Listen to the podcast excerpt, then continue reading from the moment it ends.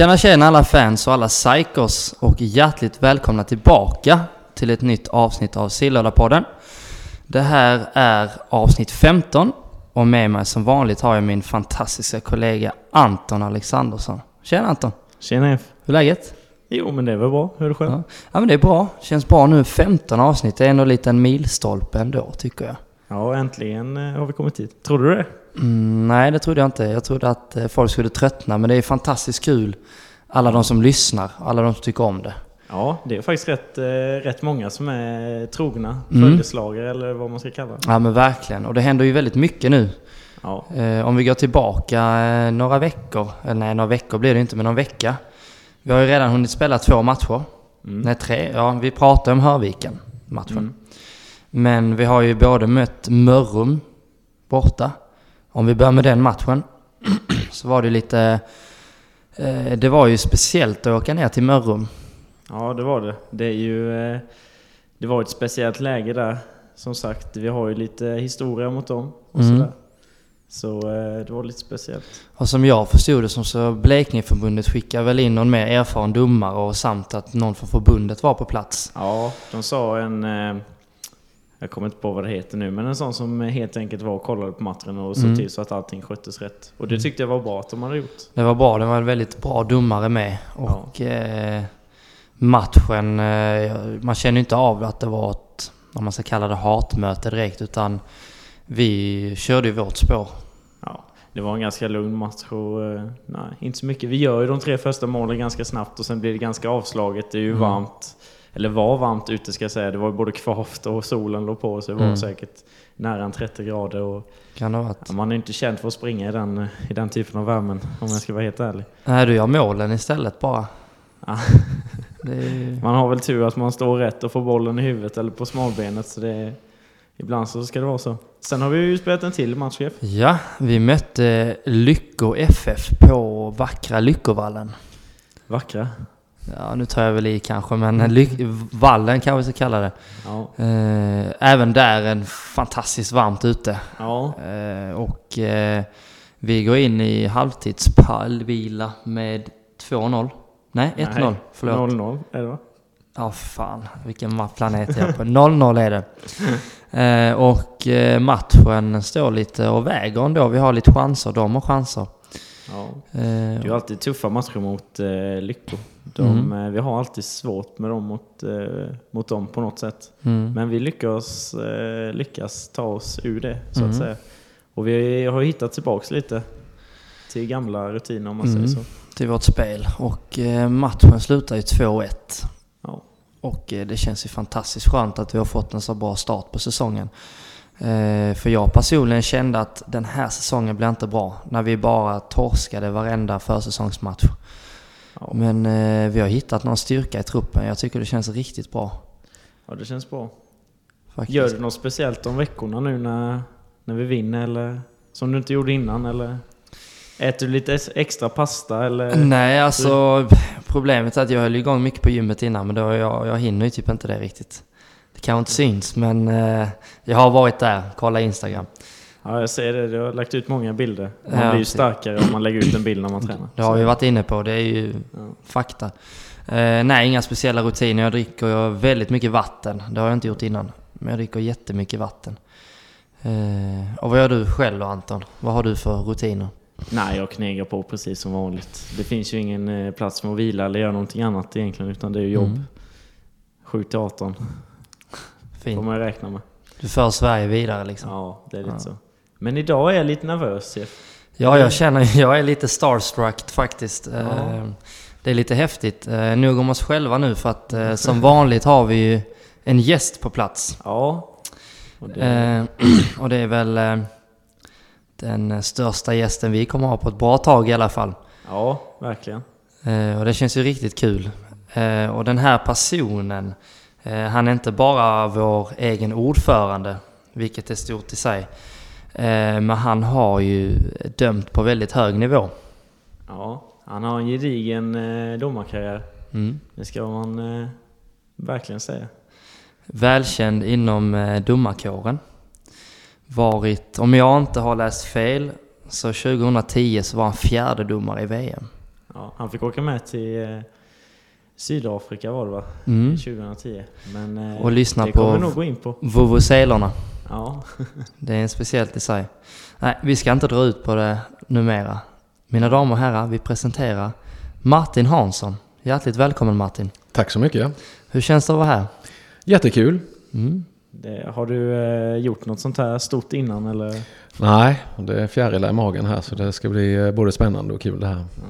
Trevligt. Ja, det förstår jag. Poddar var kanske inte så populärt när du var aktiv och dömde. Nej, det fanns väl knappt på den tiden. Det är väl ett fenomen från senare år här. Mm. Mm. Eller hette det någonting annat på den tiden? Jag Ja. vet inte. Ja, jag har ingen aning faktiskt vad det, vad det hette. Ja, du har nog gjort det, det annars. Du är ju ganska, annars ganska vältalig och sådär. Så, eh, men det är ju inte för sent än ju. Nej, precis. precis. Vi får, se, vi får se vad som Mm. händer. I poddarnas finrum liksom. Redan Ja, nu. precis. Ja. Men om vi går lite back to basic.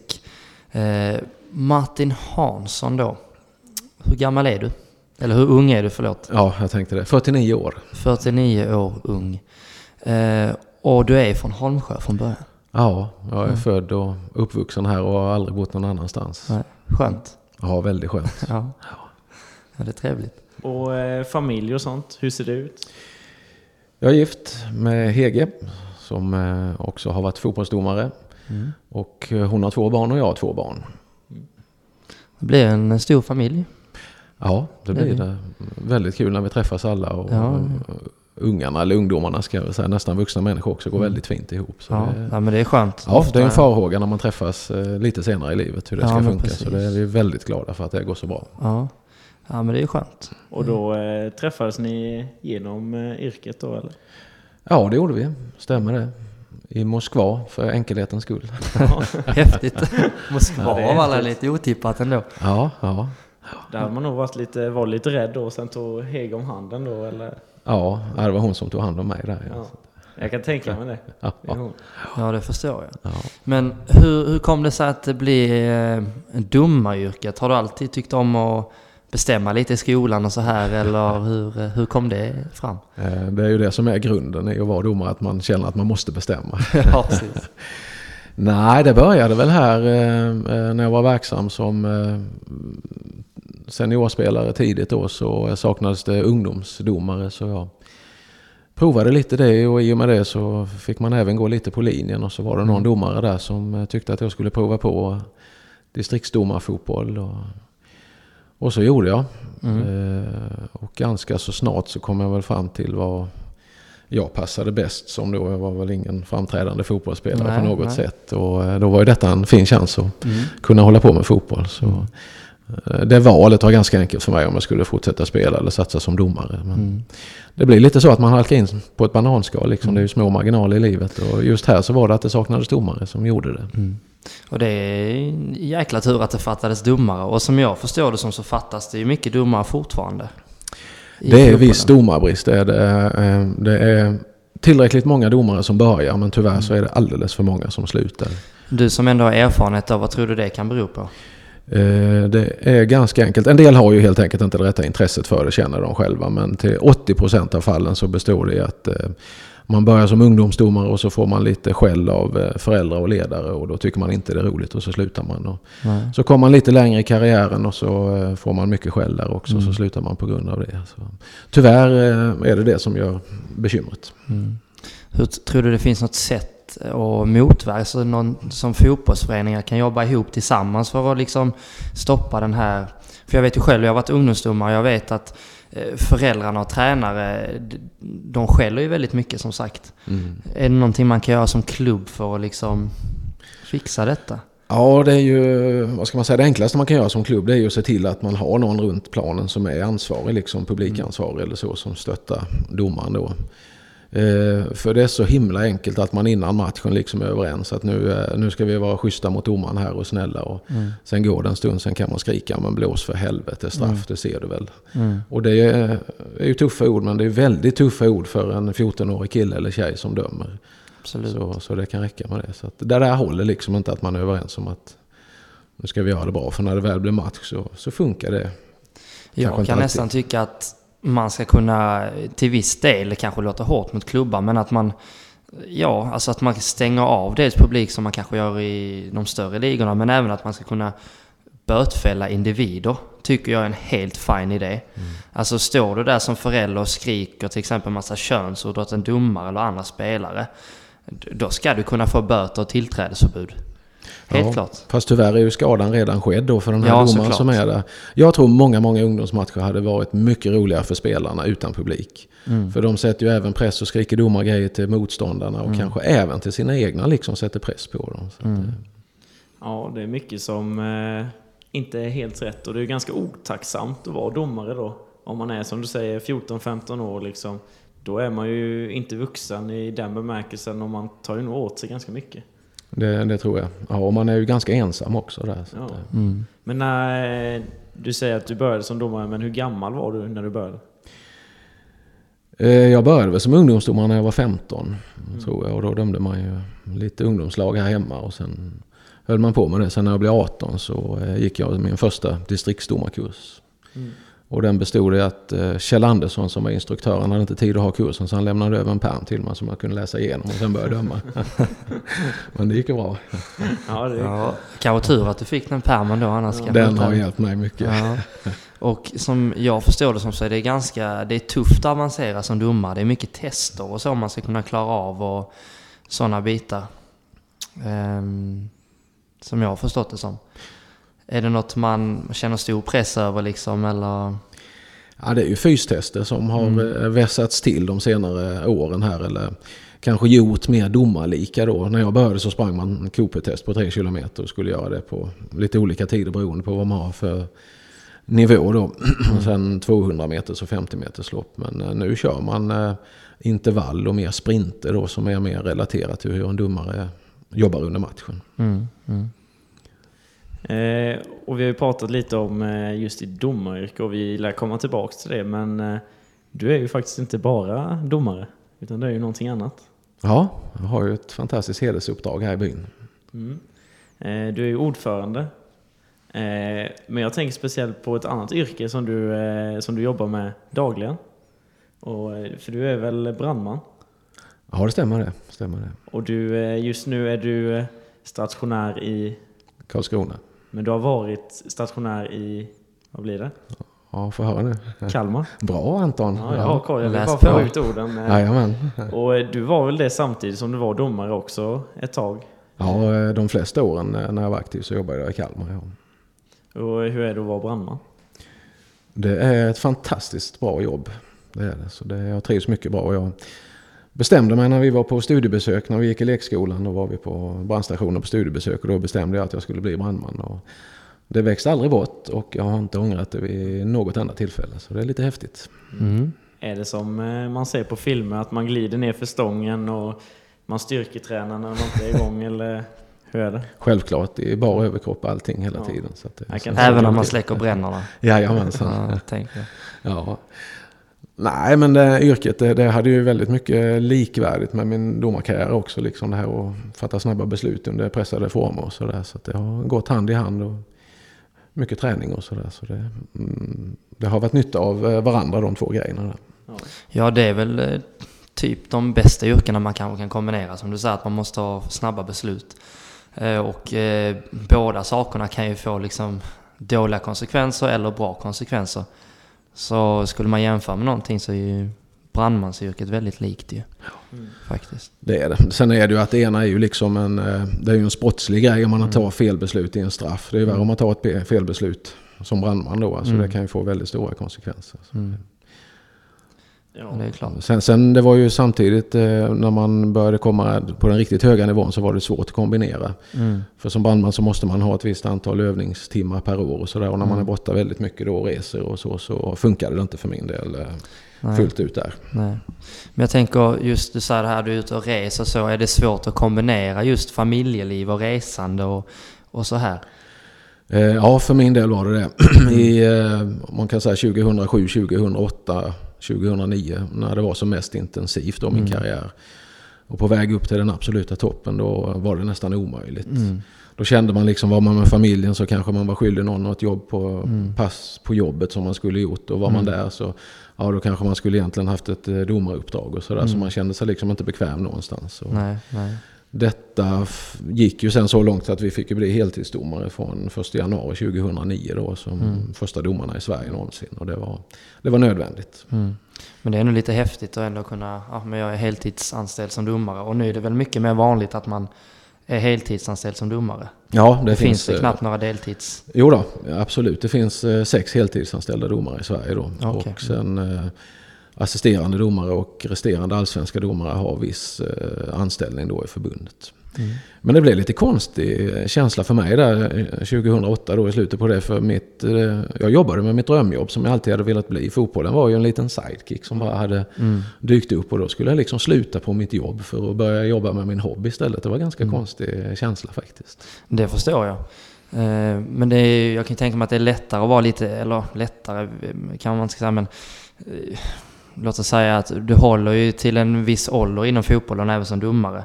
Men man håller kanske lite längre som, man kan ju komma tillbaks till brandyrket kanske.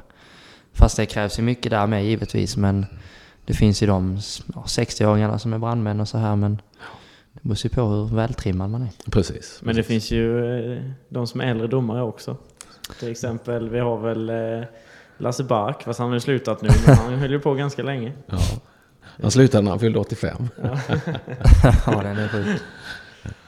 Den är sjuk. Och sen är du ordförande då i Sillhövda AIK. Som du säger är ett hedersuppdrag. Eh, och har inte jag gjort min research kanske är fel, men 2011? Nej, är jag ute och cykla? Ja, lite cykel är det där men eh, jag tror jag kom med i styrelsen eh, 2011 eller 2012. Sen har jag varit ordförande sen 20. 2014? Det var det jag tänkte gissa. 13. 13. 13 Ja, var mycket det. nära grabbar. Ja, mycket. Och hur är det att vara ordförande i en fotbollsförening då? Det har gått upp och ner Mm. kan jag säga. Vi hade ju eh, några väldigt jobbiga år när vi hade vår generationsväxling och eh, ledarna som var runt försvann också runt det laget då kan man säga. Så då, då hade man allt vad fotboll hette från att boka träningsmatcher till att bjuda in domare och ringa spelare och så skulle man sköta föreningen i övrigt också. Så det var Mm.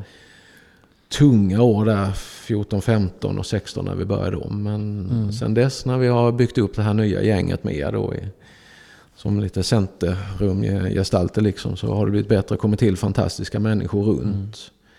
fotbollen då som, som sköter den biten så jag kan pyssla med lite mer övergripande grejer. Så, det, Mm. så nu är det ju fantastiskt roligt och att vi har ett lag här som består av så mycket Holmsjöfolk och folk som har verkligen psykhjärta. Det Mm. betyder ju mycket. Mm. För så som eh, jag förstått det så har alltid din filosofi varit sen du kom eh, som ordförande att ha ett Sillhövdalag centrerat till då grabbar som kommer ifrån bygden eller har någon tillknytning. Eh, och det har ju gynnat, eller, eller gynnat sig ska man väl säga. Ja. ja, vi har ju väldigt många duktiga fotbollsspelare här eh, uppe. Alltså, sen har vi kompletterat med några utifrån som ni ändå liksom har varit kompisar med länge. Så de passar ju in i, Ja. I eh, nu räknar vi ju skåningen Jeff också, att han har ett stort Sillhövda-hjärta. Men, eh, och jag tror det är det som håller över tid, liksom att vi kan... eh, Att ni är ett gott gäng och håller ihop och det värmer ju hjärtat för ordföranden. Och det är en avsiktlig filosofi, helt klart. Och liksom håller inte det för att spela i fyran så spelar vi med folk härifrån i femman och kanske något år vi spelar i trean liksom, när vi har fått fram eh, en bra generation. Så det, Det är ju själva den här att man har ett lag också. Och eh, om jag inte minns mig fel så var det jag och eh, Mikael Folkesson, vi satt i bilen hem på väg från Lycko. Och sen räknade vi faktiskt på eh, hur många spelare det var som hade en anknytning till Sillhövda och har spelat ungdomsfotboll i Sillhövda. Och av den truppen som var med och spelade i Lycko så var det 13 stycken. Och då är det ungdomsfotboll. Alla de andra har ju någon form av anknytning till Sillhövda och har spelat i Sillhövda i, ja, i över tre år. Så eh, ju eh, stort är det. ja, Mm, det är det är jävligt häftigt. Väldigt häftigt det. Men om vi går tillbaka lite till ordförandejobbet och eh, saker du får göra liksom. Eh, vi åkte ju på en ekonomisk smäll eh, för inte så länge sedan. Hur, eh, hur uppfattade du den situationen och hur tacklade du det? Eh, ja, det var ju en verkligen tuff grej med en kassör som vi litade på som förskingrade eh, massa pengar för oss. Och eh, man känner ju skuld i det där liksom, för jag är ju ändå huvudansvarig. Så eh, med facit i hand så borde jag ju haft bättre koll på vad som hände där. Men det var ju under de här tuffa åren med nystart och eh, före detta kassören läste högskoleutbildning på distans och var jättetufft ansad med jobb. Och, alla i styrelsen hade upp över öronen att göra. Så att det var tacksamt när det kom en kassör och ville ta hand om detta. Men han blåste blåste oss duktigt. Mm. Ja, det, det, tror man ju faktiskt inte om eh, alltså, någon kassör som jobbar ideellt. Liksom så här, och det vill man ju inte tro om någon person. Liksom. Och det är ju ingenting som Såklart, du kan ju eh, beskylla dig själv för en sån sak, men det tycker jag inte du ska göra för att det är ju inte det man tänker om en person som är ideell i en förening att nej, han ska sno, ta pengarna. Det är ju ingenting man eh, förväntar sig. Nej, och liksom under de två åren, nästan två åren som han var kassör, så vi hade alltid pengar eh, och vi kunde köpa gräsklippare och matchställ och han säger ekonomin ser jättebra ut. Så vi hade ingen anledning att misstro honom heller. Eh, men sen var det fantastiskt eh, stöd ifrån byn liksom när det här uppdagades då. För jag tänkte att nu hoppar jag av här och liksom, det är ju min skyldighet att lämna över det här till någon annan som kan sköta det bättre. Men det var väldigt mycket folk på det extra årsmötet och visade support för oss. Och det, det kändes ju så bra det kunde. Och det är fint att vara, vad lever vi för samhälle om vi ska gå och misstro folk också liksom. Det, det funkar ju inte. Och sen sportsligt så har du ju jag säger inte att det gick dåligt innan, men jag tycker ändå att spelartruppen har ändå känt att man har... Vi taggar ju till på lite på ett annat sätt. Att vi kände att fan, nu liksom... Vi har fått den här smällen och nu bara liksom går vi vidare och liksom bygger upp något igen. Och det är det minsta man kan göra som spelare, det är ju att försöka prestera på planen. Eh, så. Och det här stödet som du säger från byn, det har ju byggts upp eh, under en tid tycker jag ändå liksom att eh, just med att som du säger liksom det är grabbar från byn och det är många som är mycket och hjälper till och det är en ganska stark gemenskap i Holmsjö skulle jag säga för du var väl ganska eh, som många andra eh, dragande i den här biten med just allhallen som vi sitter i idag. Ja, jag var väl med, vad ska man säga, när idén kläcktes och eh, Eh, I första styrelsen där eh, var jag med och marknadsförde det. Och det var ju Per Ivarsson som var den stora drivande kraften. Utan honom och Marianne så hade den inte stått här. Men vi var runt och presenterade idén och inne på lite politiska möten och så här och, och gjorde det. Sen hade jag inte tiden att vara med så mycket sen och praktiskt att bygga och så här. Det var väldigt lite. Så det, men eh, det var ju viktigt för oss i SAIK att få fram den här hallen också. Det, den säger ju otroligt mycket om vilken kraft det finns här uppe i, i byn. Ja, verkligen. Det finns ju många personer och företag och allting som sluter samman liksom för att få ett sånt här bygge. Det är ju långt ifrån den här, vad säger man, storleken på by som hade fått en sån här anläggning annars. Mm. Så det finns ju ett gemensamt drag, om man mm. säger så, i den här byn. Och det är ju fint att se. Ja, och det har vi ju sett nu när vi har renoverat våra omklädningsrum. Det är ju pensionärsligan har ju varit där nere och jobbat hårt. Mm. Och det är ju folk som aldrig har spelat fotboll och de har haft barn som knappt har spelat fotboll. Och ändå så lägger de flera timmar i veckan där på mm. snickra och måla och ta ansvar. Underbart. Ja, det är så det ska vara. Ja. ja. Det är lite charmen med föreningsliv faktiskt. Och speciellt då på den här nivån. Att mm. det är sånt eh, engagemang. Ja. Det är fantastiskt trevligt. Ja. Jag tror vår styrka är att vi ligger en liten bit ifrån stan som vi gör. Liksom att man... Eh, jag tror aldrig det hade gått att få den här utvecklingen inne i stan om man skulle bygga om omklädningsrum där. Utan det är, det är vår styrka här. Det är jädrigt häftigt. Ja, det är det. Det, det är riktigt kul. Och imorgon så ska ni ju få mm. använda de här omklädningsrummen ja. Ja, premiär. Ja, ja, kan vi inte berätta lite om omklädningsrummen? Vad är det som har hänt rent praktiskt i omklädningsrummen? Ja, vi hade ju eh, stora risker med det gamla omklädningsrummet. Eh, för er som står upp när ni är på toaletten så var det ju nära att ni gick igenom golvet där framför toalettstolen. Eh, det var ju ruttet och mögligt och dåligt och oisolerat och sådär. Så att, eh, då eh, sökte vi och fick bidrag efter mycket jobb från RF SISU och även Karlskrona kommun då, så vi kunde starta upp den här renoveringen. Och där hade vi en häftig lördag tillsammans när vi rev det gamla där. Mm, Jättemånga spelare som svingade släggor och allt möjligt. Och någon annan stod för musiken och så här. Så alla mm. hade uppgifter. Någon drack öl och så men det... Till exempel, ja visst. Men vi fick ju ner det där. Så det, det var ju ett härligt startskott på det hela. Ja verkligen, det får man säga. Så har vi gjort en ny omklädningsrumsbyggnad nu. Nytt duschrum till hemmalaget och domarrum. Och eh, ett fint omklädningsrum till gästerna också. Mm. Och det här liksom, det, det har ju nytta när vi har spel utan hets så finns det ju i princip ett omklädningsrum till alla lag. Och Mm. när vi har vår triathlon-tävling så kan de duscha och damer för sig och herrar för sig och så. Mm. Så att vi har ju nytta av det här på alla Det är sätt. kul att kolla in bastun sen med. Ja, precis. Eh, Trevligt. En liten avvikare här när du säger fint eh, borta omklädningsrum. Jag vet att du, eh, du har varit mycket domarkonsulent och varit mycket i Kalmar och så. Jag har hört rykten om att Kalmar FF har en otroligt ful färg i bortaomklädningsrummet för att sika motståndare. Är det någonting du vet om? eh? Nej, det är inget jag har lagt märke till faktiskt. Men här har vi ju målat eh, lite av gästernas omklädningsrum i SAIK-färg för att liksom eh, knäcka dem där. Ja, sätta lite prägel, ja det var. Så ni har ju egentligen bara att hämta hem poängen där grabbar. Ja. Det är där det ligger. Ja, ja. Men om vi lämnar omklädningsrummet och glider tillbaka lite till din karriär. Jag var inne och googlade lite innan och man ska också lita på Wikipedia sådär. Men eh, den professionella karriären började 1990 enligt Wikipedia. Min professionella domarkarriär, Ja, 1990. ja eller, jag läste det, det kan vara helt fel Ja, ja, ja. Du får gärna rätta mig, jag har ingen aning. Ska vi säga, då var jag 19 år. Det är ju typ Ja, att det är bli, rätt eh, på proffs då. Och Det sen kan ju skulle, inte vara det Skulle jag göra lumpen och lite där också så det kan ha varit Det kan man väl hinna med. Ja. ja, första professionella året var ju 2009. Ja, det var så jäkla pass. Ja. Och när räknas man som professionell? Ja, det, eh, jag kunde ju jobba med det här så jag fick en anställning då av Svenska Fotbollförbundet. Så då Men om man tänker deltid och så här, för du dömde till exempel allsvenska mycket tidigare? Ja, det började med 1999. Ja, ja då var jag inte helt ute och cyklade. Nej, då var du ett, år. ett år Jeff. Det var ett år bara. Ja, Minns det som det vore igår. ja. Det var då när du höll på Halmstad på den tiden nej, nej, inte riktigt. Eh, Men eh, så här är det. Vilken var den första allsvenska matchen som du fick döma? Det kommer jag ihåg mycket väl. Det var eh, Norrköping-Elfsborg. Mm. Japp. Två skitlag. Mycket härligt. Och Jag kan säga eh, Anders Boksjö som stod i mål i Elfsborg. Vi träffades i spelargången när vi skulle gå in. Så ja, jag tror han var kapten också. Så första matchen i Allsvenskan hörde jag. Mm. Sa han. Ja, ja det är det, sa jag. "Ja, Du, det här ska vi lösa. Det kommer inte bli några bekymmer. Lycka till.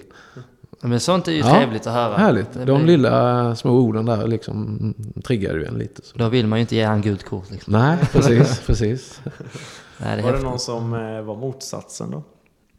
Var lite jobbig första?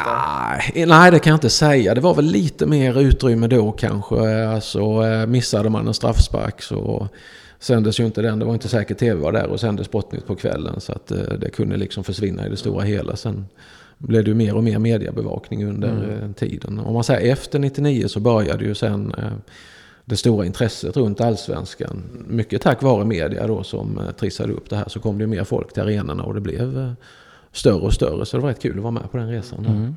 Men om du skulle ranka topp tre häftigaste matcherna i Allsvenskan som du har dömt. Kan du rabbla upp de matcherna? Ja, en är jag, eh, ja, första matchen är ju, det är ju häftigt, den kommer Mm. man ihåg. Sen 2009 så eh, var det sista rundan mellan IFK Göteborg och AIK. Och det var Var direkt... det guldmatchen? Ja, den var direkt avgörande. Eh, Och det var häftigt att få döma den och det var väldigt häftigt att det inte blev någon fokus överhuvudtaget på oss. Utan Mm. spelarna gjorde upp helt och hållet. Mycket folk med och mycket Ja. bra stämning och det här. Och... Jag kommer ihåg en siffra, jag vet det var 1700 poliser i tjänst i Göteborg eh, runt arenan den dagen. Kan man känna sig trygg? Jajamensan. Ja. Och då, eh, IFK Göteborg förlorade ju, AIK tog ju guldet. Och efter matchen så kom Johan Boman som han hette, han har tyvärr eh, lämnat alldeles för tidigt. eh, Mm. Kom i omklädningsrummet lika trevlig som vanligt och gratulerade oss till en bra match och skjutsade oss till hotellet. Och Mm. tog en bit mat med oss där och så. Eh, liksom då har de förlorat ett guld kan man Mm. säga. Men så- ja, publiken, de stormade direkt eller? För då måste ni springa ganska fort därifrån. Det var på den tiden man kunde lura dem. Så då var tilläggstiden fyra minuter och sen blåste man av efter tre och stack in i omklädningsrummet. Men eh, det där har väl tagits tag i det för jag var eh, observatör eh, sista matchen AIK tog sitt guld i Kalmar och då var det alltså över tusen personer på inneplan där Mm. sista fem sex minuterna och det är oacceptabelt. Skulle domaren behöva ta ett beslut som inte gillas av de här så kan det ju hända vad som Ja, det är ju helst. Livsfarligt ju. nu är det väl faktiskt SEF som gick i bräschen och Mm. tog tag i det här då. Mm. Och det är ju bra. Mm. Ja. Men jag tänker bara en fråga där. Hur fungerar det till exempel den här guldmatchen som du säger då? Eh, vet man att man får den matchen, till exempel att ja, men en månad innan så vet du att ja, men jag ska döma den matchen, eller blir ni liksom tilldelade lite? Ja, på sista, det var ju Bosse Karlsson som var domarcoach på den tiden när jag dömde. Och, ja, det är likadant nu för den delen att eh, sista omgångarna så får man liksom när omgång 28 har varit och tillsätts omgång 29 och när den har varit så tillsätts en omgång 30 då. Så, ja, den domaren som har gjort det bra eller haft lite flyt liksom. Eh, det är väl så eh, en bra domare ska ju inte synas egentligen. Nej, ja så kan man säga. Eh, ja, och samtidigt så kan, precis, när det väl behövs då ska ju domaren synas. Ja. För att då är det ju han som har ansvaret för att se till så spelare slutar spela fult, spelare slutar ja. filma och dra i tröjorna och sånt här. Så. Men de godaste matcherna man kunde döma det var ju när man kunde släppa jättemycket fördelar. Och det liksom blev fart i det. Va? Spelarna på bra humör och man kunde spela vidare. För mm. Det är ju faktiskt, det där tyckte jag var det intressanta spelet när man dömde liksom vad kan jag lägga denna matchen på för nivå? Mm. Liksom, eh, då visste man, här är det två lag som spelar anfallsfotboll och de är inte griniga. Och då blir underhållsvärdet mycket större. Såklart. Nästa gång så hade man griniga spelare, ja då blåser jag frispark varenda gång. Liksom, då, är det, då är det spelarnas fel att det inte blir någon underhållning av mm. ja, För det märker man ju, eh, i alla fall vad jag tycker, en bra domare när man spelar själv, tycker jag, håller ju alltså lägger nivån och håller den bra liksom. Mm. Och får ofta, det går inte att hålla varje spelare nöjd såklart, men håller liksom i princip tio man på varje planhalva nöjda och håller det flytande liksom. Mm. Om den inte behöver då gå in och göra någonting givetvis, men en bra domare får ju ofta den här, den har liksom en aura om ni förstår mm, vad jag menar. Liksom. Jag fattar. Eh, och det kan jag tänka mig att du har. Uh, ja, uh, man spelar ju en roll när man tar på sig domartröjan. Liksom. Men det och sen så kommunikationen med spelare då. Alltså man försökte hitta någon i laget som man kunde snacka lite med. Och det är ju lättare om jag säger till dig Jeff, du, han Anton, era nummer åtta, han verkar på väldigt dåligt humör idag. Tar du ett snack med honom och säger, hälsa honom att jag har ögonen på honom. Mm. För då kanske Anton är sur på mig och då är det bättre att jag ber dig att snacka med honom. Ja, precis. Det... Annars blir det bara motsatt effekt. Ja, precis. Så att man liksom tidigt kan förebygga grejer. Och så Sen är det spelare, en del spelare som man inte ska prata med överhuvudtaget för de vill fokusera på matchen och det får man också ha. Har du något exempel på det? Om du kommer ihåg någon spelare så här typ i Allsvenskan som du har försökt snacka lite med? Ja, men Kärna... Eh, Tjärnqvist, eller ja? Ja, Daniel Tjärnström i AIK som var lagkapten i AIK under många år. Liksom var lagkapten i en sån stor klubb med den pressen det innebär. Och han var alltid trevlig att ha att göra med. Mm. Han kunde man verkligen liksom se, till nu här nu. Eh, eh, någon spelare på dåligt humör eller nu har han gjort en eftersläng igen. Då, ja, jag fixar det sa han och mm. sådär. liksom, han kunde komma och säga det där var ju absolut inte straff Hansson, det är ju helt galet det här. Mm. Och när han säger det då, fasen tänker man det blir nog fel domslut det där. Mm, mm. Men det kan imponera, imponeras av sådana. Ja men verkligen. Stora spelare. Ja, ja. Har du någon sån tvärtom-spelare i Allsvenskan? Ja, det fanns ju naturligtvis en del som var ganska tråkiga att ha att göra. Ja. Men, men, man kunde ignorera dem lite och sådär. Så att inne på banan några år av karriären var det ju extremt dålig stämning runt de allsvenska matcherna. Mm. De höll ju på med mycket skit där och slänga in grejer och skrika. Ja, jag vet att jag har sett ett videoklipp på YouTube när du fick eh, bryta en match. Det var, eh, om det var Hammarby-AIK. Eller AIK-Hammarby på Råsunda. 27 eller något ja, tror jag. Ja, man... Det blev ett par, tre matcher under karriären som fick avbrytas helt och hållet ja. tyvärr. Men inne på banan så var det faktiskt väldigt bra stämning bland, mellan spelarna och, mellan spelarna och domaren och så. så det, det, som händer runt det speglade inte riktigt det som hände inne på banan. Mm. Har du haft någon, eh, du säger att du har vissa som man kan kalla väldigt stora spelare som kan gå in efter en förlust och ändå berömma domarinsatsen eller bara göra det generellt. Har du någon eh, har du någon sån specifik incident när det är nästan tvärtom? När det är någon som stormar in och inte alls är nöjd? Eller brukar de hålla sig kalla? Ja, man brukar köpa sig lite tid där och säga att vi ska fylla i våra rapporter så du är välkommen in om 20 minuter. Och då är det viktigt att man håller de 20 minuterna. Och på den stunden så har spelarna på den nivån liksom lugnat ner sig. Och ofta kunde man ha bra snack med dem som mynnade ut i förståelse för varandra. Ja. Eller liksom att man respekterade att man hade olika åsikter om det. Ja. Mm. Men om vi, om vi lämnar allsvenskan lite grann och vi går vidare till Europa. När var det du fick börja döma Europamatcher? 2001 eh, blev jag internationell domare efter att ha haft problem med skada. Ett halvår alltså var jag sjukskriven året innan för hälsenan då. Mm. Men jag fick ändå den där Fifa-platsen. Så 2001 var min första internationella Häftigt. år. Ja, och då jag dömde min första seniormatch i Herrenfen. Och där spelade Marcus Albeck då. Ja, ja. Han välkomnade oss dit och jag tyckte det var kul med svenska domare och fick hans matchtröja efter matchen. Så det var en häftig upplevelse. Ja, häftigt. Har du fått fler eh, fina matchtröjor under året? Eller åren som har gått? Ja, det finns en stabil samling hemma. Vilken är den eh, finaste om du får själv välja? Ja, det är svårt att säga. Det är ju mer förknippat till någon häftig match då man har dömt liksom. Så det, Ja, men det förstår jag. Men om du skulle ranka, ja, typ den häftigaste matchen just i Europa som du har dömt. Har du någon sån stor match som verkligen är din favorit? Om vi räknar bort den första då som alltid är speciell givetvis. ja, den eh, kommer man ihåg naturligtvis. Eh, annars är det väl naturligtvis eh, Europa då, eh, Frankrike-Irland som man kommer ihåg. Det är ju min bästa match och min sämsta match på samma gång där. mm. Och sen en i Sydafrika då när jag dömde finalen i Confederations Cup där mellan eh, Brasilien och USA. Det var en Mm. häftig grej faktiskt. Många stora stjärnor. Ja, ja. Mm. så det är väl... eh, Ja, det sticker ut. Sen hade jag... Det låter ju väldigt självgott det här, men sen hade jag finalen i U21-EM 2006. Vilken var den mellan? Ja. Den var mellan Holland och Ukraina. Spelades i Portugal. Så vi hade tre fantastiska veckor i Portugal efter den här turneringen. Det var... Fan, kunde Ukraina vara i final förresten? Ja, de jag bara hade- kommer att tänka på det nu. Ja, Ukraina, de, jag vet ja, inte. de hade ett bra eh, gäng där nere faktiskt. Ja. U21 då, så de var väldigt duktiga. Och det hade de eh, i landslaget sen några år efter det också. Mm. Eller i A-landslaget ska man väl säga då. Så det- Men just som du säger där, eh, Frankrike-Irland, var det inte så att de till, det blev att efter den matchen, efterspelet, så blev det en straffområdesdomare. Jo, det kom Som till efter det det. Så, eh, För de Ja. artiklarna jag läste så, så står det att FIF, eh, för att det blev ju ett jävla liv efteråt. Eh, helt sjukt. Men att Fifa försvarade just den vinkeln du stod vid, att man inte kunde säga att det var hans. Och därefter blev det att eh, en fjärdedomare fick tillgå då i straffområdet. ja, eller additional assistant domare Mm. hette det då. De stod bredvid målen då i varje straffområde. Så det kan man säga kom till efter det. För Mm.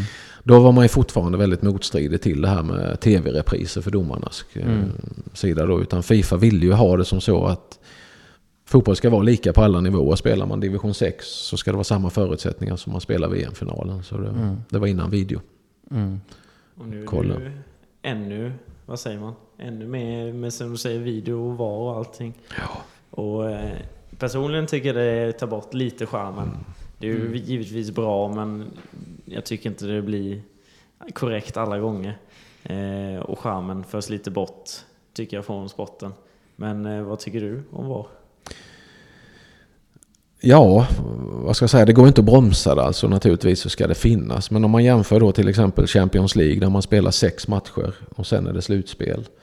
Där, eh, där måste man nog ha det med så stora konsekvenser.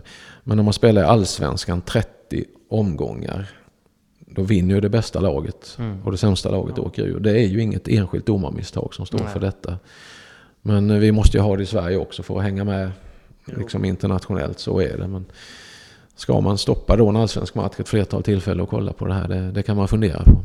Nu har man dessutom lagt ribban lite högre. Så innan så skulle man kolla så himla långt tillbaka innan det blev mål. Men nu är de nya instruktionerna internationellt att händer det någonting så kan man bara döma bort ett mål om det liksom har hänt antingen sista passningen innan målet eller någonting sånt. Innan så tittar man ju tillbaka på hela anfallet. Så det, det blir nog lite bättre. Det, det, det hålls väl på att leta efter en nivå som detta ska ligga på antar jag. Det är ju under utveckling kan man väl säga.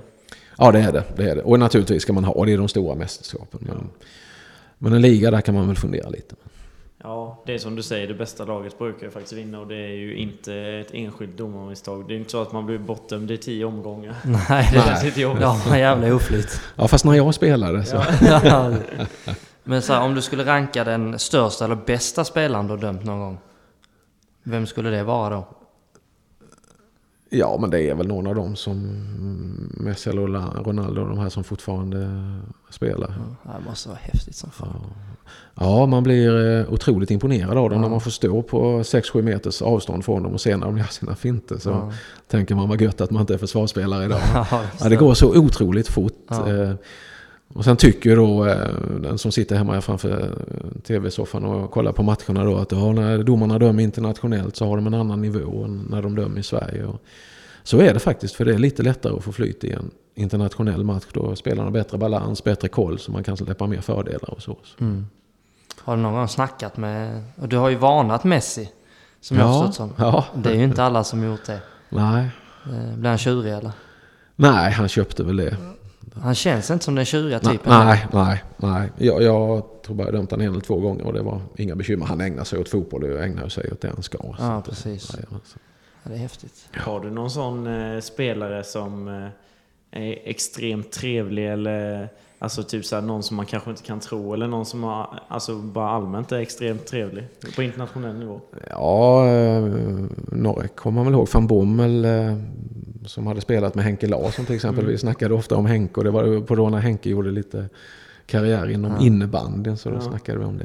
Det var så fan. Ja, Kaká dömde jag ett par gånger, eh, bland annat då i Confederations Cup och även sen var han och spelade en träningsmatch mot Iran eller Irak i Malmö och då pratade vi.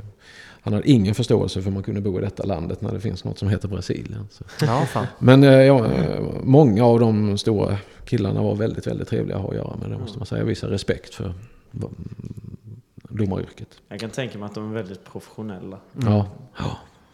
Hur är Zlatan då? Eh, han är så som man tror att han är. Ja, han är det. Ja. Så när jag, jag, jag dömde han faktiskt, det var min första Champions League-match mellan Juventus och Wien. Och då hälsade han ju inte. Ja, fan. Nej. Fan vad tråkigt. Ja, sen efter sju minuter så helt plötsligt Hansson eh, frispark. Så då visste han vem jag var. ja, precis. Och då var vem är du? Ja. Men har du någon så här eh, riktigt otrevlig som inte köper någonting utan bara liksom är jävligt dryg?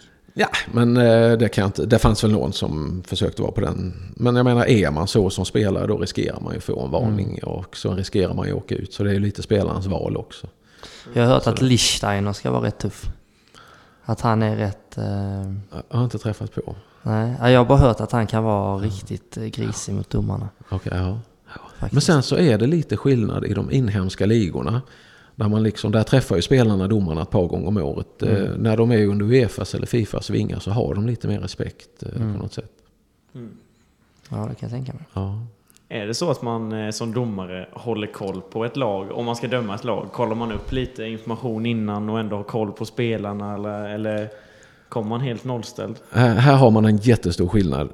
När jag dömde internationella tiden så ville jag börja från noll. Jag ville inte kolla upp några uppgifter innan och så här. Och liksom, någon gång så var man och dömde och då sa domarvärlden Vad fasen han nummer 10 där, han är vår tjurigaste spelare och har alltid varit tjurig. Och det visste ju inte jag så jag kanske började prata med honom och var lite trevlig. Och på så sätt så vann man ju lite respekt där då. Va? Men idag så är domarna, och det, och det är en förutsättning idag om man ska lyckas, man måste kolla upp lagen. Se hur de spelar, vad har de för taktik, liksom kort instick i straffområdet, eh, fasta situationer och sånt här för att vara så förberedd som möjligt på det som, det som ska hända då. Så det, det är en stor skillnad. Men får man heja på ett fotbollslag så här om man är domare? Eh, ja, det får man göra, fast då får man inte döma dem. Ja, jag vet inte vad som hände, men att det var lite uppmärksammat att han hade någon, en la, ett lags tröja. Ja, det var faktiskt det var en norsk assisterande domare. De skulle döma Champions League-finalen med Terje Hauge i spetsen. Och då var den lokala tidningen och intervjuade honom. Om jag kommer ihåg rätt så hade han det ena lagets tröja hemma men inte det andra. Och då visade han upp den tröjan och det kostade honom den matchen så han blev ersatt där. Men om du har, för jag kan tänka mig då, som vi var nere på de låga nivåerna så är ju tränarna ganska hemska mot domarna. Hur är det på internationell nivå? Är det mycket tjabb med tränaren och så? Det, det ser man ju ganska tydligt i tv hur det funkar där. Alltså Mm. det finns ju eh, riktiga fula typer eh, som ska lägga det på förluster på domarna och sånt här. Mm. Det kan förvånas när man i Premier League eh, varje gång man förlorar står och letar upp ett par misstag och skyller på dem. Hur man kan liksom tro att det är någon trovärdighet i det. Å andra sidan så finns det väldigt, väldigt trevliga ledare också. Har du Ja. någon favoritledare? Ja, eh, det fanns ju båda sorter naturligtvis. Eh, det gjorde det, men eh, Gerhard Holier träffade jag på några gånger och han var eh, väldigt trevlig och väldigt avspänd. Ja, från Liverpool va? Ja, jag hade dömt någon gång och gjort en halvtaskig insats och då kom han in efter matchen och ville prata lite om detta. Så, så avslutade han med att eh, nej men jag har ändå respekt för att ni har ett svårt jobb. Eh, Kan man ta en banan? Nej, alltså det är, så, det är helt så, underbart. ja, så avslutade han så här. Hoppas vi våra vägar korsas i framtiden också. Lycka till vidare. Så det, Ja, det är fan- häftigt. Det är fan gott. Ja. Har någon otrevlig tränare ja. Någon som varit lite förbaskad på dig? Eh, nej, men det finns ju någon i något eh, London-lag som eh, varenda vecka stod och de förlorade skyllde på. Jag har en domaren. Han har gissning. slutat nu kan jag säga. Kan det vara Arsene Wenger? Jag passar på den. eh, Ja, jag tolkar det så här. Jag var först ut till Arsene Wenger. Vi får, eh, vi får hoppas han inte lyssnar i så fall. Nej, jag tror inte han lyssnar, men... De kanske inte översätter just detta Nej. avsnittet Håller på på. engelska. ja, precis. Merci. Nej men du, du fick ju äran att åka ner till eh, VM i Sydafrika. Mm. Eh, hur var det? Den? Det var en väldigt lustig resa. Den började egentligen redan 2003 när vi dömde U17-VM i Finland. Så tittade man på domare som som var potentiella VM-domare 2010 då. Så att vi ingick ju i Fifas grupp som var lite under lupp under alla år fram till dess. Och eh, fick åka på ett antal Fifa-turneringar. U20 U20-VM i Kanada bland annat. Häftigt. Och Mhm. Confederations Cup då 2009 i Sydafrika och sen var det ju här debaclet mellan Frankrike och Irland då hösten 2009 så tänkte man att där röker min VM-dröm som jag har drömt om här de senaste sju åren. Mm. så fick jag ju åka dit i alla fall och eh, vi trodde vi skulle få döma givetvis och det var ingen som hade sagt något annat och vi hade presterat bra och så här. Så det blev en väldigt mental berg och dalbana under VM. Jag var väldigt glad jag hade Henrik Andrén och Stefan Wittberg med mig. Så vi Mm. stöttade varandra där nere. För det visade sig sen att det var ju klart på förhand att vi inte skulle få döma. Och vi hade bra kontakt med Peter Mikkelsen som var med i Fifas domarkommitté och var där nere. Och han menade på att vi hade blivit föreslagna matcher men det var höga vederbörande själv som stoppade det då. Som hade...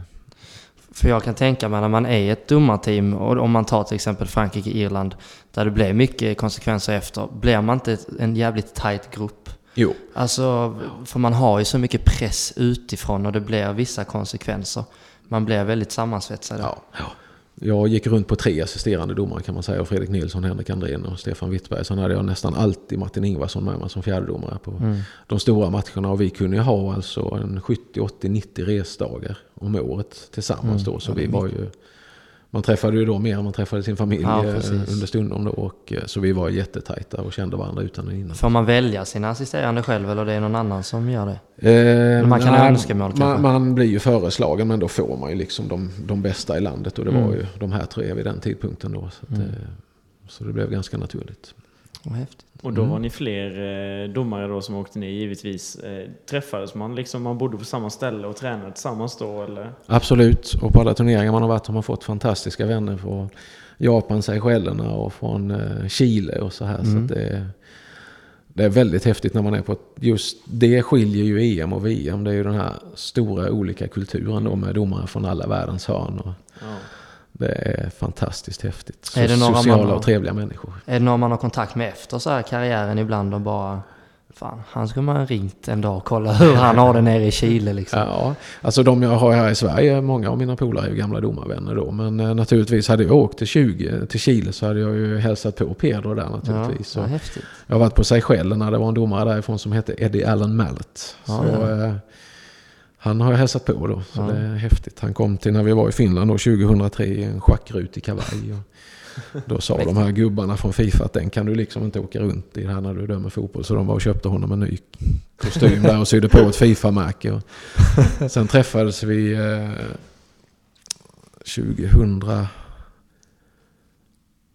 2005 igen var väl det. Då kommer han med samma kavaj och kostym. Då, då menar jag på, ja men Eddie för helsike, det sa de till en sån kan ni inte ha. Den gamla blåsan. Nej, nej, nej, sa han, den är helt ny. Jag fick den innan jag åkte. Så där han Ja, det är klart. en helt ny, likadan schackrutig. Schackmatt liksom, vad är det de inte förstår? Så det, ja, det, är, det är den stora liksom, eh, behållningen med sig. Det är alla fantastiskt trevliga människor man har träffat i alla Ja. världens hörn. Det är häftigt. Vem är den roligaste? Är det han i schackkavajen eller är det någon annan som är... Carl Gina. ja, det fanns ju många lirare alltså, det gjorde det. Men eh, han hade något häftigt kapitel med när han, jag var fjärdedomare åt han eh, när vi var där i Finland. Och då skulle han varna en spelare. Då hade han en penna med en kork och sitt gula kort. Och då blir ju tre grejer att hålla reda på. Va? Så då tog han av korken på pennan så gav han den till spelaren. som fick hålla den. Sen varnade han spelaren, skrev upp numret och så bad han få tillbaka korken. Och satte den på det är pennan. kyligt. gick därifrån. Ja, har du träffat han, eh, vad är det han heter, Mike Dean va? Ja, jajamensan. Han är ju annars så här lite så, folk tycker han är lite rolig med sina olika tecken och så. Ja. Är han eh, en clown så annars? Han är fantastiskt kul att ha att göra med. Vi hade en härlig vecka tillsammans på Färöarna 1999 när vi dömde Nordisk pojkturnering. Och då var han den engelska representanten där så vi hade himla kul. Ja, det kan jag tänka mig. Och sen, eh, annars är det nog Howard Webb och jag som faktiskt har, vi har varit nog på flest turneringar tillsammans och hållit ihop. Och vi har samma typ av humor så vi har haft himla kul genom åren. Ni är ju lite lika annars också. Precis. Både du och Howard Webb är det de som har lyckats med att ha samma frisyr under hela karriären. Ja, och den håller, den håller fortsatt alltså. Ni klipper på samma ställe så eller? Nej, men efter samma ritning. och på tal om kollegor så har du eh, en annan kollega, eh, vad är det han heter? Han heter eh, Fredrik Klitta, Kli, Klitte menar jag. Ja, just det. Han har gjort debut i Allsvenskan ja. här nu ja. De har lite svårt med hans efternamn, vissa Ja. kommentatorer där. Ja, jag vet inte om du har sett det här. Men det, ja, Det är därför precis. det så kul. Fantastiskt bra klipp. Ja, det är det, ja, det är det. ja, det är roligt. Och, Ja, det är det. det, är det. Har du, eh, har du, fick, du se, fick ni se det här efteråt då? eh, Och har du retat han för det lite eller? Det har vi kommit fram ja. Det var väl en eh, 8-10 sms på telefonen när vi väl hade dömt matchen sen där med, med något klipp. Ja, det är helt Ja, det är fantastiskt. Ja. Nej, men nu har vi pratat lite om karriären och så. Mm. Och, eh, tänker vi glider in på lite annat här. Eh, jag tänker jag har en fråga eh, först. Eh, och det är lite sån här, alltså helt random fråga. Men eh, jag måste få reda på det. Vad hände med Olles katt? Ja, alltså det där var en, eh, det var en vildkatt. Det var en vild Ja, det var en vildkatt. En, eh, säkert någon som har förväxlat den och trodde att det fanns en ägare i bilden när den togs av dagar. Men eh, så är inte fallet. Ja, det är bra. Ja, det, Och dessutom så är det preskriberat. ja, det är preskriberat. Ja, det är härligt. Ja men då så, det är lugnt. För inte skulle man skjuta grannens katt. Nej, Nej. nej, det skulle Nej, man nej, nej. Det förstår jag, det förstår jag. Det skulle, vem skulle göra det? Och sen så fick jag höra på ryktesväg att du, du var väldigt glad i Emmaboda simhall. Nu var du ganska ofta, vet jag. Ja, jajamensan. Har du medlemskap där och så eller? Nej, det vet jag inte vad det riktigt syftar på. Nej, nej, nej, det är bara en random grej så. Det är inget så bara- speciellt utan det Men bara... där eh, imponerade Elias när han var liten faktiskt. För han stod ju så i sin storebror och hans kompis dra ner badbyxorna lite och åka snabbare i vattenrutschbanan på rumpan då. Så men då eh, Elias testade så här, han drog ner dem på rumpan och kastade sig på magen ner och sa att det gick mycket snabbare. Ja, det är väl härligt med rykten på stan. Ja, Har det varit... Eh, vem av, för du har ju två söner då. Ja. Eh, Elias och Viktor. Eh, det är två rediga busungar va? ja det är det. Ja. Det är det. Från början till slut, jajamensan. Det är, det är skönt när det är så. Ja, det, de har inte fått sin pappas gener där. Nej. du har alltid varit lugn. Jajamän. Ja, ja, det kan jag ju tänka mig. Eller, nej, men eh, nej, Elias där som jag känner väldigt väl så. Eh, jag vet ju, han umgås ju en del med min lillebror Viktor. Och de, när de var yngre, ja och nu med, de är väldigt fantasifyllda och väldigt mycket energi. Så de hittar på en del saker och jag kan tänka mig att du har haft att göra där med. Ja, ingenting som eh, en pappa har fått reda på det här faktiskt. Skönt. Det är skönt när det är så. Ja, ja, de har hållit ihop i många år, det är härligt. Ja, det är härligt Jag hade ju dessutom förmånen att få träna för dem i deras ungdomsår. och Det, det är riktigt kul att vara ungdomstränare. Så jag förstår inte föräldrar som inte tar chansen att vara verksam i sina eh, barns fritid. Man säger att man har inte tid, men jag har svårt att se vad är viktigare i livet än Mm. att engagera sig i sina barn och deras eh, träning till exempel. Fantastiskt. Jättekul. Då, lär- då lär man känna kompisarna också. Det är så Ja. eh, riktigt kul. Så vi kan säga det till alla psykos när ni får barn och det här, eller om ni har barn. Tips från Martin, engagera er, er i era barn. Ja. I alla fall i, ja, Och man behöver inte vara den som kan jättemycket fotboll och är tränaren. Utan man kan vara den som hjälper till med konerna eller ringer Mm. sponsorer eller bakar en kaka som säljs i kiosken. Så. mm. Många pusselbitar som ska falla på Jajamän, det är plats. det. det, är det. Ja, det är trevligt faktiskt. Och det vet man ju. Jag hade ju en eh, fotbollstränare när vi var ja, här i Sillhövda. hade vi ju Eddie Holgersson och eh, Anders Kärskad och eh, Bengt Adolfsson och eh, Mm. några där till liksom. Och man känner ju en liten sån... Det är klart man känner dem sådär och det är roligt att träffa dem nu och en väldig respekt. Och sen hade jag ju när jag spelade, för jag har ju spelat i Rödeby, då hade jag ju både... Va? Ja, det kan man tro. Nej men då hade jag ju PO, eh, PO och Roger.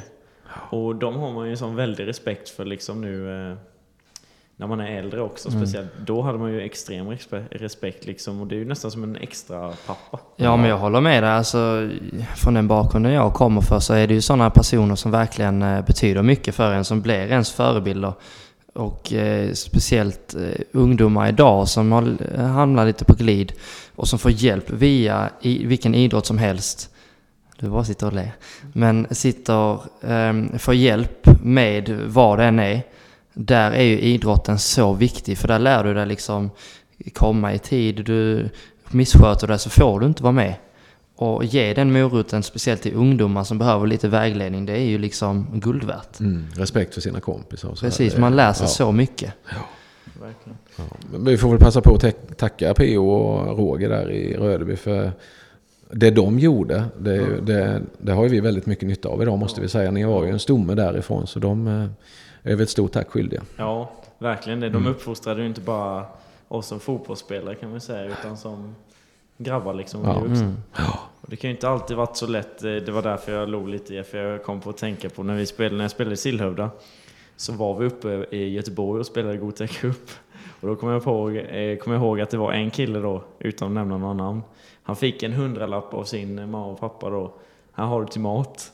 Och eh, den gav de till Anders då, som var tränare. Och sen bad han Anders eh, om den här hundralappen. Ja, ja, men du kommer ihåg att den är till mat? Ja, ja visst. Det var bara det att när han kom tillbaka så hade han en sån här keps med dollar. Ja, det är härligt. Fick han svälta. Nej, men Det var det värt. Kepsen finns kvar. Nej, nej. Alltså Hans, din farsa och jag, vi hade ju både Viktor och Emil när de spelade i 99-laget och sen eh, Viktor och Elias då när de spelade där. Så det, det var Hans som stod för fotbollskunskapen och jag flyttade konerna. Så.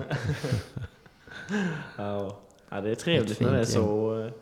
Det är, det är väldigt, man får lite annan gemenskap. Så är det ju. Ja, verkligen. Vi hade ju ett härligt sommarläge varje år i Bredasjön där och sov över på dansbanan. Och liksom, det var ju sommarens happening. Ja. Nej, för det finns ju faktiskt eh, en dokumentär om det också Martin. Hur var det att spela in denna och hur var, vad tycker du om den?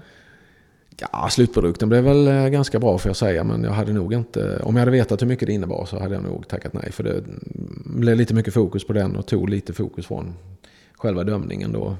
Det var en bra dokumentärfilmare och hans fru då som var med och skötte ljud och sånt här. Men det blev, det blev lite påfrestande det blev när de skulle vara med hela tiden och så. De är verkligen med hela tiden då, Mm. eh, in typ, kan man säga. Jag tror de filmade 60 eller 70 timmar på den här och det klipptes ner till en halvtimme. Är väl? Mm. Ja, ungefär. precis. Lite Ja. mer tror jag, men ungefär en halvtimme. Precis. Men det var där vi, blev, 2010 som blev Ja. sista framträdandet där. eh, Det var fram till Sen var det liksom, nej, jag känner mig nöjd liksom. Eller, ja, pallar inte med, eller ja. Min domarkarriär? ja. Eh, nej, men däremot så blev jag nedflyttad då från Elite Group eh, Okej. i Uefa 2011 sen. Mm.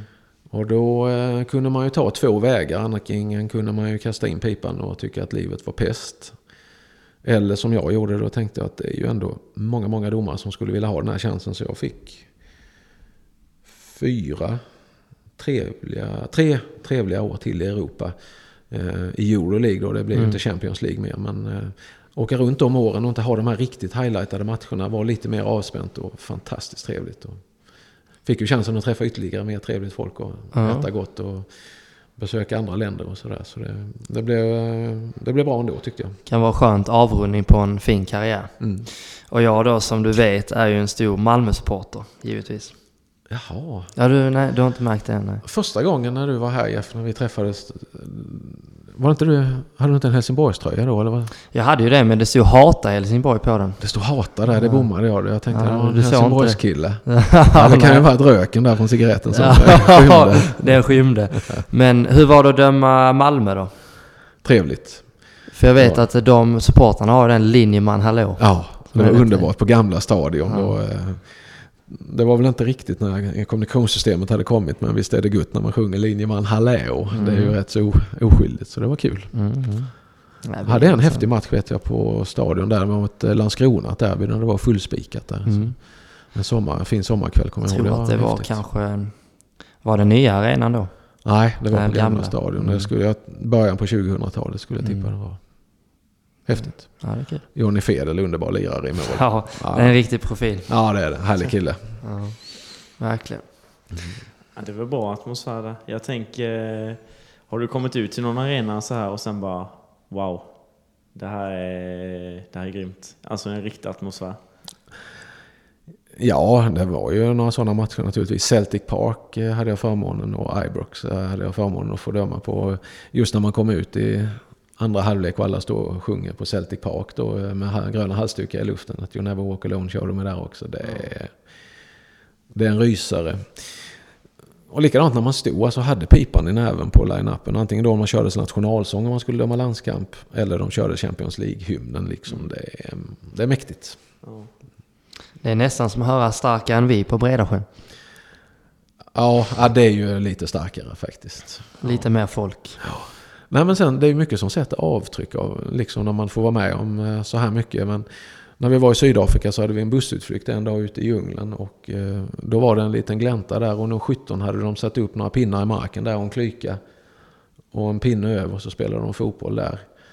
Och sen någon vecka senare då går man ut på, ställer man sig på trappan vid Bredasjön och ser att det är spel utan hets med tio ungdomslag som är igång och alla är jätteglada. För spel utan hets är nästan det häftigaste som finns med fotboll. Just det här att det är bekymmersfritt. Förlorar man med 5-0 och sen får en Fanta så är ju dagen räddad. Och lång kö till kiosken. Och, nej, det, det är kul. Men Martin, du som ordförande, vad har du för förväntningar inför säsongen? Vi har ju som sagt börjat väldigt bra, får man ju ändå säga. Vad tror du? Vad har du för målsättning? Eh, målsättningen är ju att inte vara inblandad i bottenstriden för, för min del som ordförande i föreningen. Då. Det är en väldigt speciell säsong det här och jag är Mm. imponerad över på det sätt som ni har skött det. Bara tränat, tränat, tränat och det har varit väldigt hög närvaro på träningen. Och, och så nu när det äntligen kom igång så hade man ju lite fjärilar i magen för är det bara 11 matcher som ska spelas och man får stryk de första 3-4 då är det inte mycket att reparera det på. Så det är skönt att vi har de här sju poängen som vi har så här långt. Men förväntningarna är väl att eftersom ni är så duktiga att vi är med och fightas i toppen. Det, det tycker Mm. jag. Låter Och nu skulle ni liksom trilla upp i, fyra, äh, upp i trean så är ju föreningen beredd på det nu. Nu har vi liksom en organisation runt. Så att det ska ni inte vara oroliga för. Nej, nej. Kanske det till och med blir en livepodd med. Ja, man vet. Fira med en livepodd. Ja. Mäktigt. Nej, det, det kan väl vara roligt, men om man går upp i trean då är det lite större kostnader och sånt va?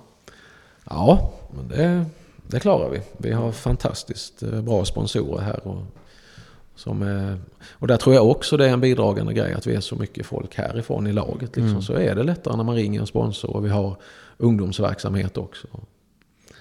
Sen ska man inte glömma det andra. Vi har föreningen med innebandy här som nu har byggts upp under något år och i år har de ju ett spännande lag och är duktiga. Och sen har vi triathlonen som har en fantastiskt fin tävling varje sommar. Så jag är väldigt stolt över att få ordförande över det här faktiskt. Det- Mm. Ja, hur tänkte du när innebandy-idén föddes? Eh, vad var första tanken och hur liksom tacklade du den biten? Ja, men jag tycker det är bra att vi har fler ben att stå på i föreningen än bara fotboll. Och då blir det lite, då drar det också Sykes namn runt. eh, De spelar ju mycket i Småland och så här så Sillhuldas namn syns ju. Och det kommer hit lite folk får vi hoppas att vi får ta in publik också nu under säsongen. Och, Mm. de har ju kämpat fantastiskt bra de som har gjort det här. Och, Mm. och byggt upp det här till en bra verksamhet som det är i år. Det tar ju ett tag innan man får igång en verksamhet på ett bra Mm. sätt.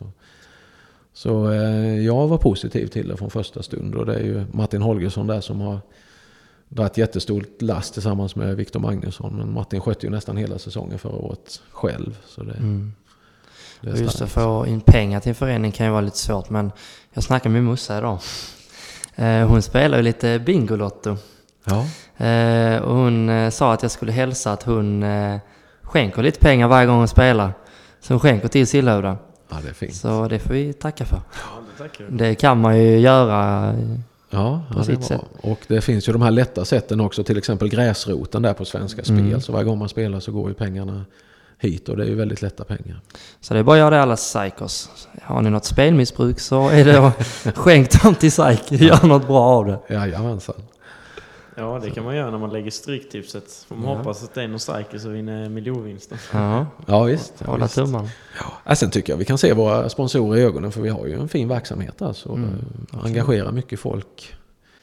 Eh, Ja, speciellt också eh, i Sillhövda så har vi ju rent mjöl i påsen ska man ju säga också här med att vi är ju ganska tydliga med vår filosofi och såna här grejer och vi har ju många spelare från bygden och nu ska jag inte snacka om innebandyn för det vet jag inte men eh, i fotbollen i alla fall så är det ingen spelare som får betalt. Och det Nej. tycker jag är bra för då spelar ju alla på lika villkor. Jag vet att det är klubbar som det är vissa spelare som börjar ta betalt och sådana här spelare. Och spelar vi nu som vi gör i fyran man är ju inte bra nog för att ta betalt. Eller jag vet Nej. inte, Jeff, tycker du det? Nej, jag tycker inte att man ska ha betalt i division 4. Um, ehm, och då öppnas ju andra dörrar, till exempel man kan åka på ett bra träningsläger. uh, som vi får lite fika efter träningen, kanske någon lunch innan någon match och sådana här bitar. Och jag ser ju hellre mycket eh, hellre det.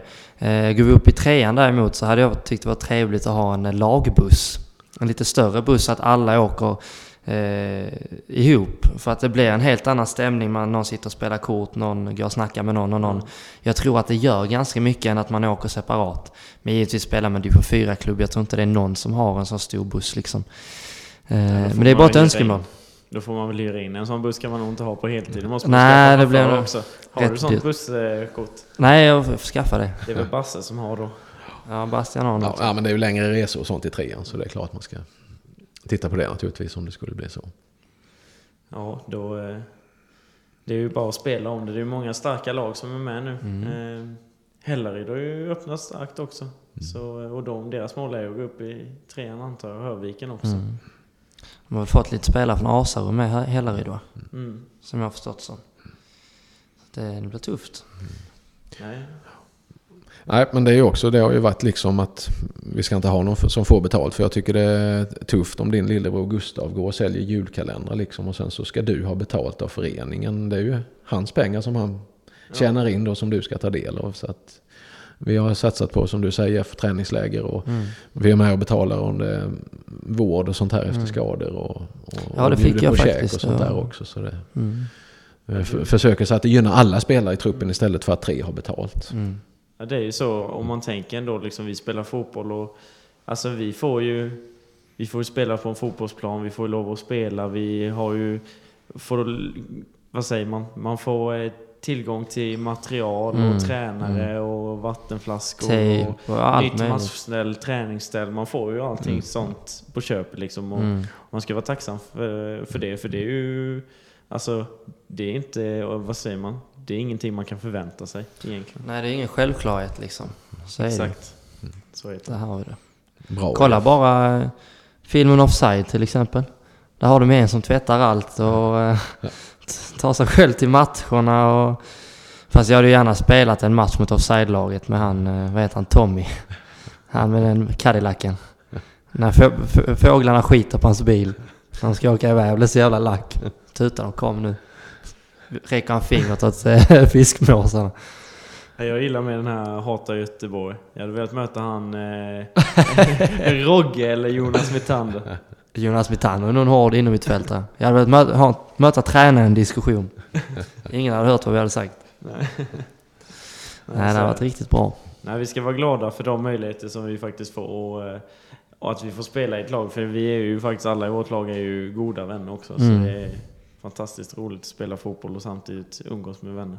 Absolut. Det, är tror jag betyder jättemycket. Det, liksom. då, då drar man ju åt samma håll faktiskt. Då har man samma, är man vänner så har man ju väldigt ofta samma värderingar. Visst är det så. Det, jag tror det betyder väldigt mycket för speciellt vissa individer i laget att man har den här sammanhållningen och att något att längta till. Det finns kanske de som inte har jättemycket vänner och jättemycket socialt liv. Men man har träningar när man åker, man får det man behöver liksom. Det är jätteviktigt. Sen är det roligt med en lite annan sak när vi spelar på Bredasjön och det är en, en domare som kommer och dömer. Då vet man alltid att de kollar lite extra över axeln och eh, runt om i huvudet och kollar, är Martin här eller? Mm. Blivit nervös. De blev livrädda. Så det är lite skönt. Har du koll på eh, domarna här Martin? Ja, eh, det försöker jag göra tillsammans med min fru. Där hon har ju varit ansvarig för de här i Blekinge. Så att, eh, det försöker vi väl hålla koll på. Och där tycker jag ni är bra också liksom och är trevliga för, så trevliga som möjligt för domarna har att göra med. För det hade inte varit roligt för mig att se er stå och få en massa röda kort hela tiden Nej, med klart. mitt gamla förflutna. Det hade ju varit Nej. Lite dubbelmoral. Ja, och det där har vi pratat eh, om en del ju med laget och jag tycker ni lever upp till det där på ett bra sätt. Kommer du att kolla imorgon? Ja. Vad tror vi om matchen? Ja, det blir spännande. Nättraby det är ju ett tufft hemma. lag att möta Nättraby. Mm. Så att, eh, det var en häftig upplevelse förra året där. Mm. Hämtade in 3-0. Stod Anton? Jag spelade inte. förra året blev det 2-2. Ja, men det i Nättraby tänker jag. I Nättraby? Ja, nej men det var förra, förra. När vi spelade i femman. Tror jag det var. Och eh, vi låg under med... Vad låg vi under med? 4-1. Vi under med. Och tar igen till 5-4. Var inte detta förra året menar du? Det var nej. det kanske inte. Nej, nej. Jag kommer ihåg förra året så var det första gången som eh, Blekingesporten livesände våra match tror jag. Mm. Och det var då det blev 2-2. Eh, jag kommer ihåg nu. Förlåt Jakob. Men du gjorde ett snyggt självmål kommer jag ihåg. Så det är därför jag kommer ihåg den matchen just. Just det, var krysset där ja. Ja, inte ja. visste man att han var en sån eh, avslutare. Nej. Nej, så vi får hoppas att de eh, livesänder fler matcher. Det är ju ja. ändå lite proffskänsla spelarna. Man... Ja. Det är det. De kommer ju sända nästa vecka Sillhövda Mässerum där. Jag blir det på tisdag som kommer sändas. Och så är det skönt nu. Vi får ta in 50 personer i mm. publiken mm. då. Så det, så det är ju först i kvarn kan man ju säga. Ja, och det känns ju som att det går på rätt håll där ju. Mm. Så det, ja, det är positivt. Får vi hoppas. Ja, det får vi hoppas att det, okay. det går bra. Så då får vi hoppas att eh, du och Hege är där och håller koll på domarna då? Ja, och, det kommer vi att vara. Om, man, om du får säga själv. Eh, vem var den bästa domaren mellan dig och Hege? Var hon linjedomare eller var hon huvuddomare? Ja, hon, var, hon uh, satsade som assisterande domare. Ja. Så att, uh, faktiskt enda gången jag fått bestämma lite, det var när vi dömde tillsammans. Jag var huvuddomare och hon var assisterande. hon upp med flaggan, du var nej, nej, nej. nej. ja, nej, vi hade en träningsmatch ihop mellan Mjällby och Värnamo. Och då säger hon i kommunikationsspelet där eh, systemet spela på, det var ingenting och då blåste jag straff. Så Vi kan höra hemma sen. Ja men det är likadant, jag kan tänka mig det när ni sitter vid matbordet, någon av er har fel och bara snabbt upp med ett gult kort. Ja, ja. Det var en varning. Ja. ja, det är väldigt mycket fotbollssnack eh, hemma hos oss så det är skönt att vi har samma intresse. Ja, annars hade det varit, varit drygt. Ja, ja. Mm. Kan jag tänka mig. Mm. Ja, det, men är det fotbollssnack eller är det domarsnack? Nej, det är väldigt mycket regler och situationer som vi tittar på. Vi är ju observatörer båda två på domaren, så då diskuterar man ju. Eh, sen är jag med i en bedömningsgrupp här i Svenska Fotbollsförbundet så är det någon situation som eh, liksom är tveksam så är vi åtta stycken som bedömer den och skriver vårt svar och sen eh, då döms liksom situationen av och då är, diskuterar vi sådana situationer väldigt mycket. Vad, vad händer om vi säger att det är en sån situation då och du skriver in ditt svar och de andra sju också gör det då. Eh, vad händer då efter? Vad är... Ja, då är det det majoriteten eh, tycker där som blir liksom rätt domslut. Och det är en avstängning då till exempel? Nej, det är om man säger om, eh, om den domare har dömt straff för en viss situation så, som är tveksam så tittar man då om det är en hans till exempel så tittar man, ja men detta är straff för hans. Och då tar Martin Ingvarsson som är coach för elitdomarna nu till sig den situationen och sen så skickar han ut den till domarna att här har vi att lära oss av då. Va? Här gjorde domaren rätt eller fel kanske men sen i den här typen av händelser så ska den bestraffas då. Så det är för att utveckla domarna. Mm. Det är grejen och hitta en så konsekvent linje som möjligt i det. Och då kan du i alla regler då, antar jag? Borde väl kunna. Nej, men när man tittar lite i regelboken under tiden också så, så funkar det. Ja. Vad är den eh, konstigaste regeln du har alltså, dömt eller släppt någonting för, eh, om, om du tänker så, som du har använt dig av?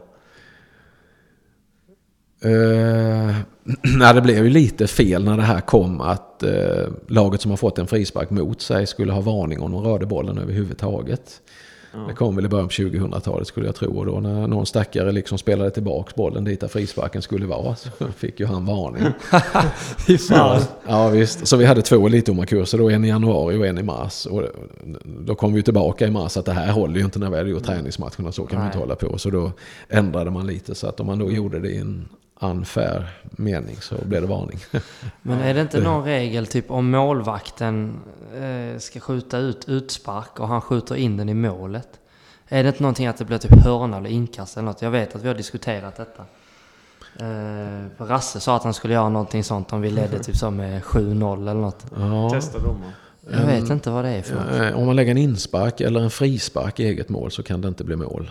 Ja, just måste utanför straffområdet va? Nej, men man kan inte göra självmål på en fast situation. Nej, man kan inte göra självmål på hörna med vet jag. Om man har en hörna, alltså offensivt. Hur det nu ska gå till. Nej, just det. Eller kasta bollen i inkast Nej. in i eget mål går inte heller då. Då blir det, Det inte får man mål. inte göra offensivt mål heller va? På inkast? Nej, nej. För jag vet när jag tänkte just på en specifik situation, jag tog det tyska andra ligan och det, det var ju VAR där då också.